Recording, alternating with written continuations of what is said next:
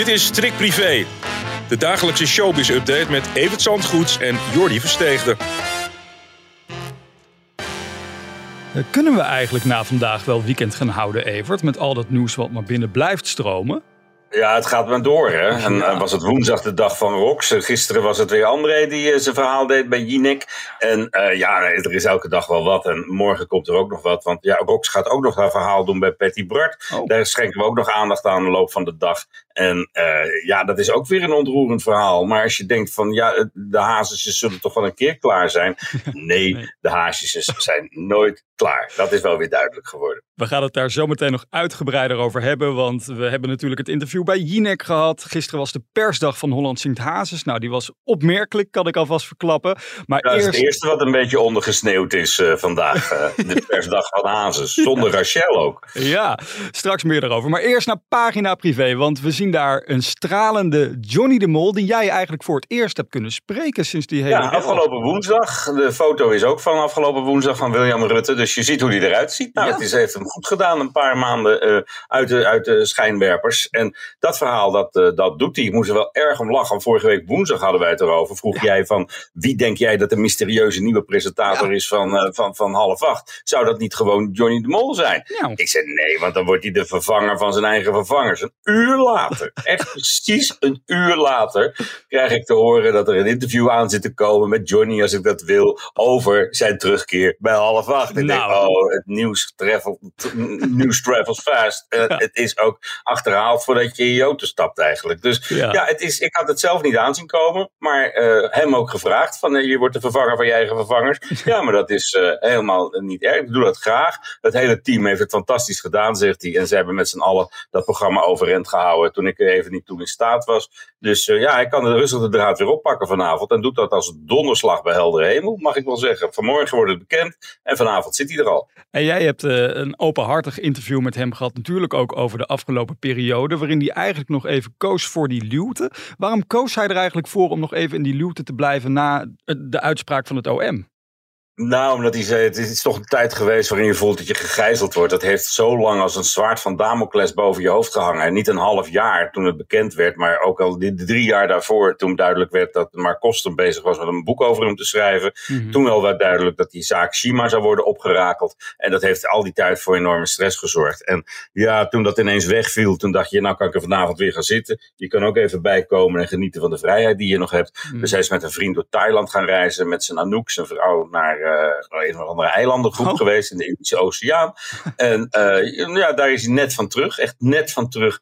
En toen belde Marco Laurens, de directeur van SBS, van ja, ik zit met een gat in de programmering van half acht. Kun jij invallen? En ik denk, ga het gewoon doen, zegt hij. Dus ja, daar kan ik me wel iets bij voorstellen. Ja, en dat heeft natuurlijk enorme impact gehad. Hè? Heel die mishandelingszaak, maar natuurlijk ook die zaak rondom The Voice die over die hele familie hing. Heeft hij daar nog iets over gezegd? Ja, en, en Linda en, en, en alles. Maar wat hem het meeste aangrijpt, en daar kan ik me iets bij voorstellen, dat is de ziekte van zijn zus Danielle, de oudste dochter van Willeke Alberti, die eh, ja, ernstig ziek is. Mhm. En we hopen allemaal op een wonder, zegt hij. En eh, samen met zijn eh, zwager Johnny van het Schip probeert hij voor wat afleiding voor dat gezin te zorgen. Maar hij zegt bij alles wat ik heb meegemaakt, of wat de familie heeft meegemaakt, dat valt toch allemaal in het niet. Ja. En dit houdt ons als eh, hechte familie het, eh, het meeste bezig. En zij is ongelooflijk positief. Je moet maar eens op de Instagram kijken. Dat Mhm. alle mensen die ziek zijn of tegenslagen hebben, die kunnen een voorbeeld nemen aan Danielle van het Schip. Het is verbijsterend hoe positief zij met alles omgaat. Ja. Maar eh, ja, het is wel een heel ernstige ziekte die haar getroffen heeft. Vanavond om half acht, in half acht, is hij weer terug op SBS 6. Johnny de Mol en het interview met hem dus vandaag op pagina privé. Ja, we moeten door met de familie Hazes, want daar valt altijd zoveel over te vertellen. Hoe heb jij gisteren om te beginnen naar dat interview bij Jinek gekeken met hem? Nou, ik vond het heel veel herhaling. Voor, voor mensen die, die, docu, die zich door die docu hebben heen geworsteld, was het wel heel veel herhaling. Ik vond dat ze laat to the point kwam, laat met eh, actuele vragen begon, terwijl er toch echt weer genoeg aan de hand is in de familie. Maar ik vond dit ene fragmentje, over wat hij zegt over zijn familie, toch wel bijna ontroerend. Dus ik vind, het, ik vind het sneu. Ik vind, het, ik vind ons gezin een beetje sneu, snap je? Hoe ons leven eigenlijk is gelopen met elkaar en het verlies van die... Dus het is... eh, Ja, ik vind het gewoon... Ik vind, het is heel verdrietig.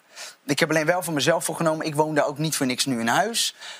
ik wil echt alleen maar eh, focussen op positief. En sinds ik dat heb gedaan, sinds ik uit de kliniek kom, komen er zoveel mooie dingen op mijn pad. En ik ga dat gewoon door niemand meer weg laten nemen. Ja, waarom vond je dat zo ontroerend om te horen? Het is natuurlijk ook een grote puinhoop. En op het moment is het dieptepunt echt bereikt. Want ja, nu heeft echt iedereen ruzie met iedereen. En als dan eerder de rechtszaak van zijn zus te sprake komt. En dat hij zegt: Ik heb er niks mee te maken.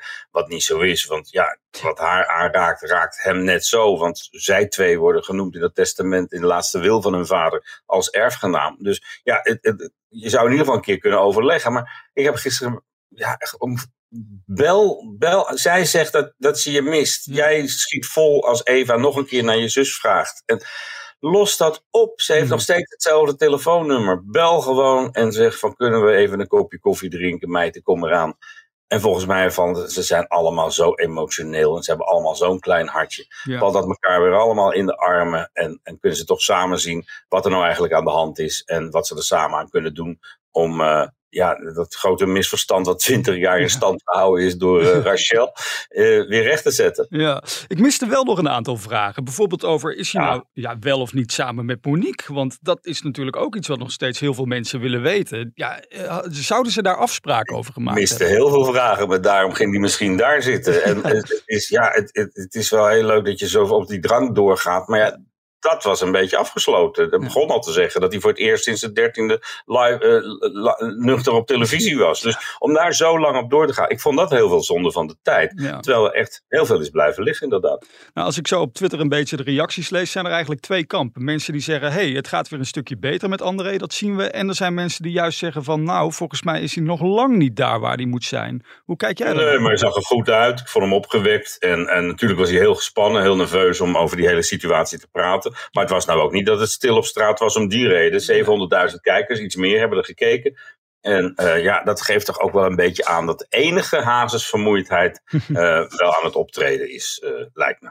Is er ook al Glennis Grace vermoeidheid eigenlijk? Kun je dat constateren? In België, ja, Ja. daar zou ze gaan optreden op een of andere feestavond. Ja. En ja, je kunt het, daar, daar zou ze gaan op, dus dat gaat Ja. ook weer niet door. Maar dan is ze ook weer, ja, dan, mensen willen gewoon van haar haar eigen liedjes horen, Mm. voor zover die er zijn. Mm, En nog liever dat repertoire van Whitney Houston. mm. Maar dan ontstaat daar al een groot misverstand over. Dat zij gewoon een nieuwe repertoire te horen wil brengen. Ja. Ja, eerlijk gezegd, er zitten nog niet heel veel mensen op te wachten. Dus de organisatie heeft gewoon de stekker eruit getrokken. Bovendien nog eventjes weinig discreet laten weten dat er maar 50 of 60 kaarten Ai, waren verkocht. En zo kunnen wij geen zaal vullen, hè? nee, alleen. En, toen, was, toen was het ineens afgelopen. Dus eh, ja, volgende week, volgende maand, 22 februari uit mijn hoofd, Mhm. zou dat concert plaatsvinden. Het enige wat er in de agenda staat voor dit jaar. En dat gaat ook alweer niet door. Nou, volgens mij is dat andere wat in de agenda staat de taakstraf. Maar ik zie de laatste tijd alleen maar vakantievideo's van haar vanaf Curaçao. Dus kunnen we concluderen dat ze daar nog niet aan begonnen is? Eh, ik, ik heb niet begrepen dat ze er al aan begonnen is. Ik las wel ergens dat ze het er al op had zitten zelfs. Maar ja, het is toch wel een paar weken. Dus Ja. eh, nee, het is niet ongemerkt aan ons voorbij gegaan. Nee. Daar zal ze op een dag aan moeten beginnen. En dat moment lijkt eh, niet ver weg. Maar ja, zolang er sneeuw ligt, hoef je niet te schoffelen volgens mij. Het einde van eh, de week is bijna daar. Maar eerst gaan we natuurlijk naar.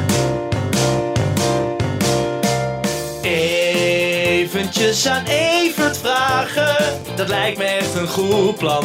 Een vraag aan de privéman. Ja, want er zijn er weer een hoop binnengekomen. En eigenlijk wel een, een, mooie vraag. Maar aan de andere kant hoop ik dat het nog lang niet zover is. Komt van Andrea. Want die vraagt zich af. Als jij nou ooit stopt als hoofdredacteur van Privé. Blijf je je dan nog steeds zo intensief bemoeien met de sterren? Blijf je die wereld dan nog steeds zo volgen zoals nu? dat denk ik niet. Ik zou nog wel eens een biografie lezen of zo van Ja. iemand. Of schrijven desnoods. Ja. Maar eh, nee, ik denk niet meer dat ik bovenop het, net zoals nu, dag en nacht appjes krijg met nieuwtjes en die nagebeld moeten worden. Nee, ik denk dat ik daar dan wel een, een hele vette, dikke punt achter ga zetten. Ja. Maar eh, ja, zo, er zijn dagen dat ik denk, was het maar zover. Maar ja, zoals een week als, als, als nu met zoveel nieuws, dan is het toch nog wel heel leuk om midden in dat web te zitten. Wat zou Rachel denken als jij stopt met het werk als hoofdredacteur? Dan, ja, nou ja, Ik zie jou, ik zie jou, ik zie jou denken, ja, dan, dan was dit nieuws misschien helemaal niet naar buiten gekomen, snap je? Maar Nee, het zit erin, maar eh, ik denk dat zij wel een flesje open trekt. Ja. Ja, precies. ja. Nou ja, daar is ze volgens mij sowieso niet vies van, van een eh, flesje alcohol. Maar dat geheel terzijde. Nou, klinkt mij als muziek in de oren om een flesje open te gaan trekken. Want het is weekend en maandag, dan melden we ons weer om 12 uur bij de kerstverse Showbizweek. Mooi weekend. Hey, en wie, en wie weet wat het dan weer is. Zo is het.